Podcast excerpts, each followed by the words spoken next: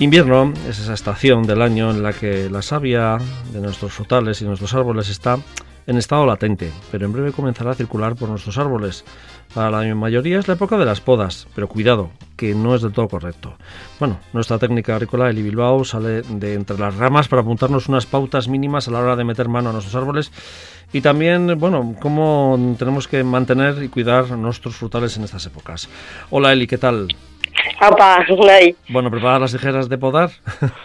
sí, bueno, es un poquito pronto, ¿eh? Porque hasta febrero, salvo que tengas una plantación muy intensa, yo aconsejo aguantarse. Bien. Primero, si te parece, vamos a hablar un poco del cuidado que tenemos que tener en nuestros árboles. Sí. Eh, tanto sea si tenemos una casa grande con un manzanal o con un, bueno, unos frutales eh, importantes, o como si tenemos pues uno o dos en casa, pero queremos tenerlos también un poco bien cuidados, ¿no? Eso es, son cuidados que se pueden hacer en otoño, pero que en invierno, eh, si se nos ha quedado eh, sin hacer, no está mal el hacer. O sea, estamos todavía a tiempo. Te los voy a enumerar así un poquito rápidamente para que nos dé tiempo a hablar de la poda. Venga. Pues lo que teníamos que tener siempre es un cepillito metálico y limpiar bien la corteza y las ramas principales de nuestros árboles frutales, que dependiendo en qué zona, por la exposición más al norte, se nos llenan de musgo, se nos llenan de líquenes y ahí se nos esconden las esporas de hongos tan malos como el chancro. Vale, importante. ¿Eh? Sí, hay sin meter mucho, o sea, limpiar lo que es ligeramente, ¿no? Pasar por encima ligeramente, ¿no? Sí, quitarle el... pasar someramente y ya lo vas a notar que se va cayendo. En otoño hemos tenido que empezar con los tratamientos preventivos a base de caldo bordelés, cobre y de un aceite parafinado para matar las esporas y los hongos que han quedado ahí de, de las plagas y en invierno vamos a continuar con ellos. Vale. También a finales ya de invierno, ya yéndonos hacia marzo, podríamos darle un embadurnado si nuestro frutal en primavera y verano ha sufrido muchas plagas y muchos hongos. Estos embadurnados, que no encalados, se harían con arcilla blanca, la que llamamos caolín, con un poquito de estiércol fresco, se hace una pintura y con él se pinta el árbol. Muy bien, todo esto pueden entrar en el blog y lo ven todo al detalle. Eso te iba a decir, en el huerto de Eli WordPress.com, ahí lo pueden ver porque digo por lo del está bien explicado también ahí, ¿no? Eso sí, todo. También sería el momento de dejar el pocillo, el alcorque del árbol limpio de malas hierbas, un poquito excavado someramente para que se haga eso precisamente, un pocillo, y para que el punto de injerto quede limpio, que es muy importante que quede limpio. Muy bien. Luego quitaríamos todos los frutos que se nos han ido quedando en el árbol, pacificados, todo fuera, los que hayan caído al suelo. Yo sé que es un trabajo muy costoso, pero que a la larga es muy beneficioso porque así quitamos cualquier punto de infección que luego en primavera vuelve a, subir al árbol. Bueno, esto de alguna manera es un poco como el que tiene unas plantas en casa y le va quitando esas hojas secas, le va quitando un poquito, ¿no? Sí. Eso es lo mismo, pero eh, cuidar igual igual un árbol frutal o un árbol que tengamos en casa, ¿no? Sí se le llaman, mm, entre nosotros se les llaman medidas culturales y realmente es una higiene que tú le das no solamente al árbol, sino al entorno del árbol. Muy bien, perfecto. Y lo de limpiar el alcorque, que ahora está muy conocido porque los alcorques se conocen mucho, sobre todo en la zona urbana, ¿no? Pero es más o menos el, entorno, el pocillo, el entorno de, esto, ¿no? lo que está 50 pues centímetros, diríamos, de radio alrededor del tronco. Vale, perfecto. Y si le puedes dar profundidad sin dañar las raíces superficiales, pues como 5 o 10 centímetros, porque lo que estamos buscando es que cuando llueva se genere ahí un charco y, y que entre el agua de una manera muy suave, que es cuando verdaderamente al árbol le da mm, tiempo a hidratarse. Porque el agua brusca de la lluvia fuerte entra y se baja a capas super, eh, más profundas demasiado deprisa. Y ahí se queda como un pocillo en el que el árbol pues le da tiempo a hidratar bien. Bueno, esos son unos cuidados mínimos del frutal, eh, sobre todo para, bueno, estar pendiente de ellos. Que hay que estar pendientes como de todo en esta vida, hay que estar de todo ser vivo, hay que estar pendiente. Eh, y luego ya pasamos al tema poda, ¿no? Bueno, nos quedarían dos ah, cosas nada más, dos puntos. Uno sería, le habríamos dado en otoño un abonado, que la gente cree que en otoño no hay que abonar, hay que abonar con fósforo y potasio porque se pasa el tiempo ahora al frutal haciendo nuevas raíces, pero ya ahora en invierno le daríamos más abono tipo estiércol, compost, humus, más rico en nitrógeno, porque en primavera va a estallar y va a empezar la floración, los ramos nuevos, y va a necesitar este aporte de nitrógeno. Entonces le daríamos estiércol o compost, humus, según el tipo de árbol, la cantidad de arbolado que tengamos. Y se lo daríamos entre la zona que va de donde hemos acabado nuestro pocillo a donde acabarían las ramas de la copa. En esa, en esa circunferencia, que sería también ¿no? donde se pone el acolchado, nunca en el pocillo. Vale, perfecto, importante. Pues esto, sí me parece importante porque muchas veces se abona con cada uno con lo que tiene y se echa siempre al culo, que se suele decir, ¿no? De la planta. Sí. Y no tiene que ir al culo. No.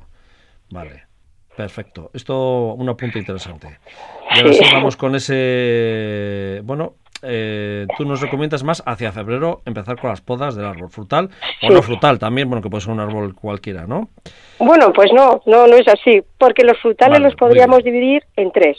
Venga. Los cítricos, que ahora mismo están con producción y no se tienen que tocar, entonces allá para finales de marzo, abril, cuando deja la producción es cuando los vamos a podar.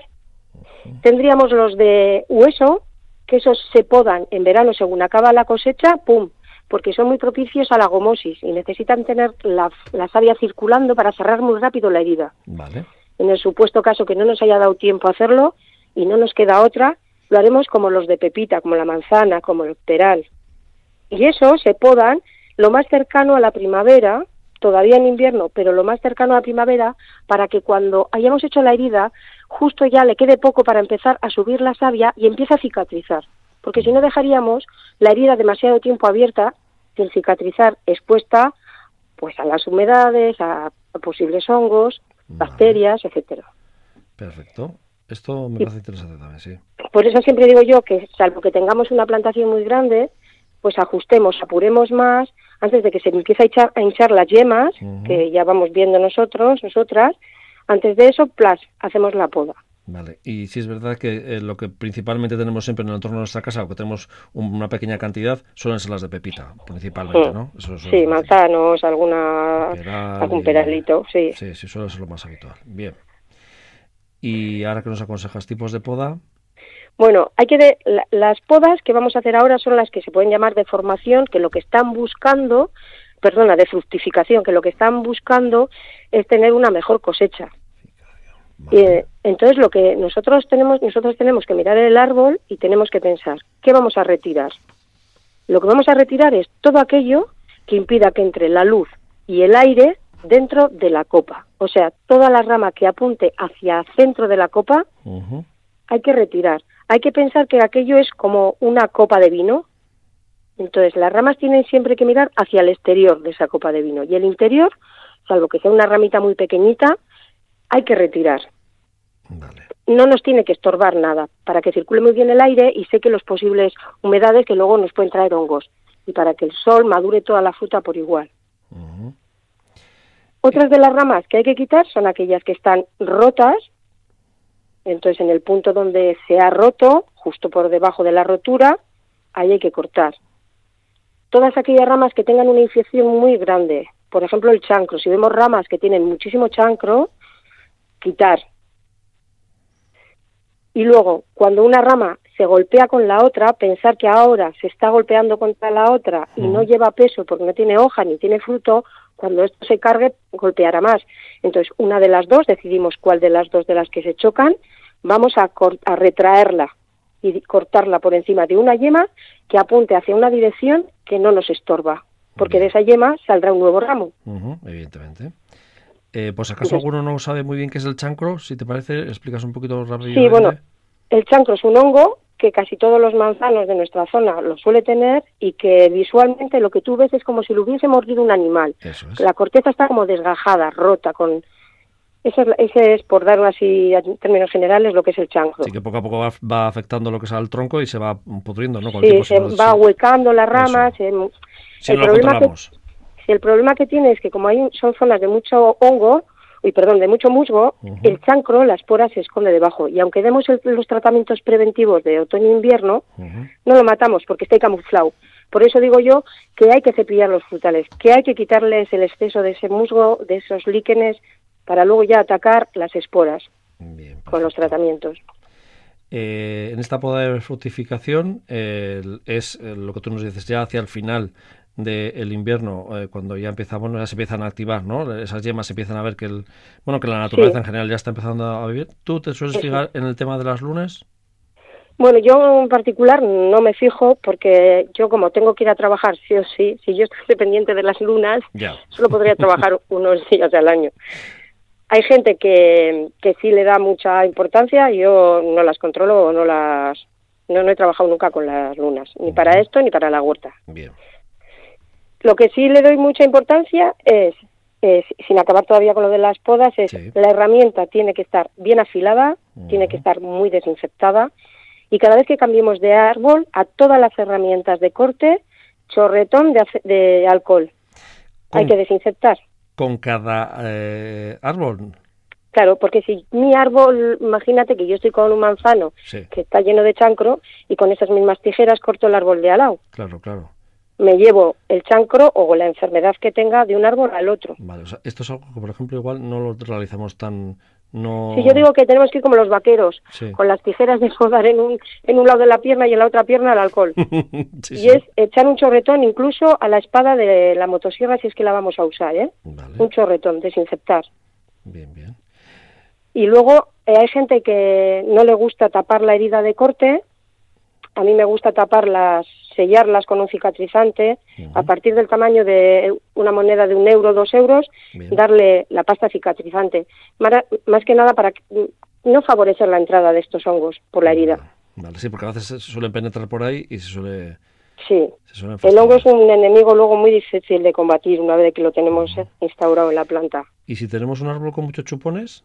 Que a veces suelen venir de abajo, a veces vienen de abajo y otras veces es todo el árbol, ¿eh? O, hemos, o ha habido unos años que hemos olvidado tocar el árbol y podarlo. Un árbol que tiene muchos chupones, que, estamos, que yo lo visualizo ahora mismo, estas copas llenas de chupones, es mm. porque el año anterior se le ha dado mucho corte de madera. Al árbol que tú le cortas mucha madera, responde con más madera al año siguiente. Entonces, lo que hay que intentar es, aunque nos fastidien estos chupones, es no cortar todos los chupones, sino doblegarlos esto es, los más exteriores de la copa los doblamos de tal manera que la yema que en un principio apunta hacia el cielo, como la doblegas, como doblas, arqueas el chupón, pierde la fuerza de alimentación. Y la que coge la alimentación está situada ya justo en, el, en la doblez del arco y ya apunta de una manera más horizontal. Más adelante, a finales de primavera, que esa yema ya ha brotado y tenemos una rama más horizontal, el restante de ese arqueamiento que ahora estará mirando para el suelo lo podemos cortar. Vale. No sé si así por la radio estoy explicando, se visualiza. Sí, no, por eso siempre remitimos que eh, nuestros oyentes pueden ir a la página de elhuertodeli.wordpress.com y en un buscador que pongan el huerto Deli y ahí aparece tu, tu link y, ahí, eh, bueno, viene también explicado eh, en distintas etapas pues estos chupones haríamos así, los más superficiales en la copa los doblegaríamos y los más internos bien los podemos quitar desde la desde el, completamente desde el punto de, nacimiento o se pueden bajar en altura siempre dejándoles el corte por encima de una yema que mira en horizontal hacia el exterior del, árbol para ir generando como una subcopa ahí y no tener que cortarle tanta madera. Lo interesante sería llevar nuestros árboles frutales desde que son chiquis con un tipo de, poda que mm, no implicase grandes podas con motosierras, sino que sería una cosita de arreglar con una tijera de mano, cosa que es imposible. Porque todo el mundo lo va dejando, lo va dejando y luego son grandes podas. Y sí es verdad que hay de unos años a otros, eh, ha habido años que mm, te das cuenta y dices, el año pasado me parece que me pasé con, con el manzano este y, hay que rectificar y, mejorarlo, ¿no? De un año para otro también, ¿no? Que esas metidas de pata suelen ser habituales también. Aunque sí, realmente luego la, poda, una vez que hemos hecho esto que te he dicho de doblegar chupones, quitar las ramas rotas, retraer las que se cruzan, no sería otra cosa que ir acercando la producción del verano hacia las ramas más principales, hacia el centro del árbol, hacia el tronco. Entonces, todas las ramas es como un corte de pelo, ir recortando para que obligues a las ramas que quedan a dar el fruto más pegado al tronco, para que no se coma la fruta a los pájaros. Es esta historia. Eli, si en el caso de que tengamos, imagínate que hemos heredado unos árboles, o hemos heredado una tierra, y, o hemos comprado una tierra, y tenemos unos árboles que llevan muchos años sin podarse.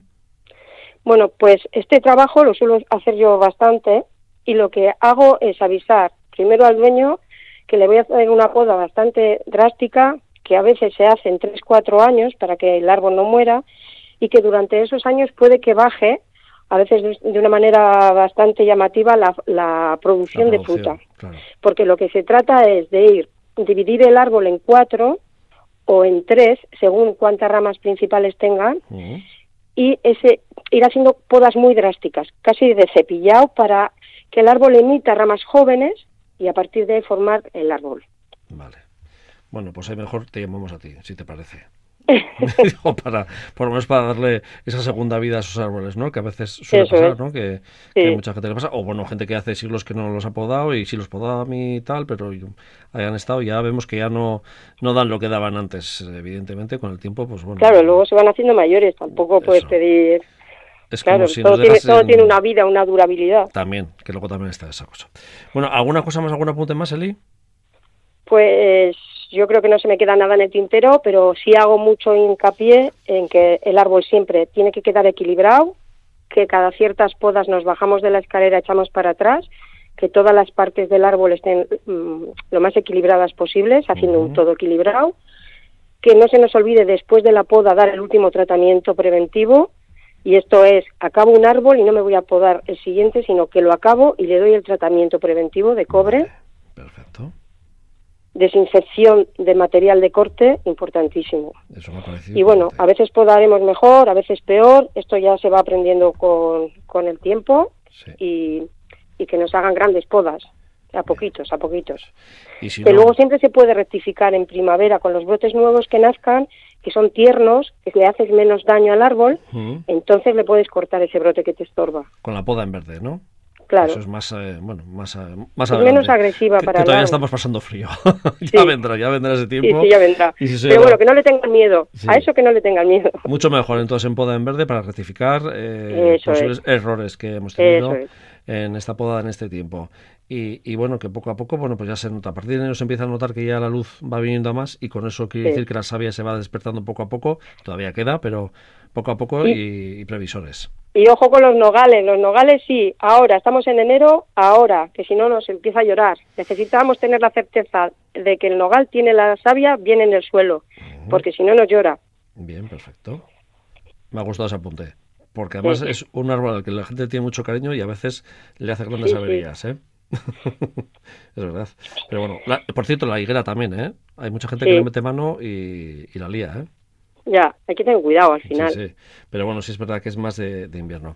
Bueno, pues eh, Eli Bilbao, técnica agrícola, y para aquellos que quieran saber más, se pueden meter en, en tu, bueno, en tu página del huerto de Eli, que se meta en un buscador y ahí les sale directamente el huerto de Eli y ahí pueden consultar estas podas y podas que, bueno, otros pods que has puesto de otros años que también hablan de distintas eh, épocas de poda y también la poda en verde, por ejemplo, ¿no? Para, para ver de qué va y, y, para que tengamos unos árboles frutales buenos o ese árbol frutal que solo tenemos en el jardincito de nuestro chale o de nuestra casa o en la maceta y también más hay que aplicar lo mismo, solo que, bueno, que la ramificación no es la misma evidentemente en una maceta, pero bueno, y hay árboles que dan un montón de, de rama, ¿eh? En maceta, sí, sí, sí, sí, dan, dan, dan.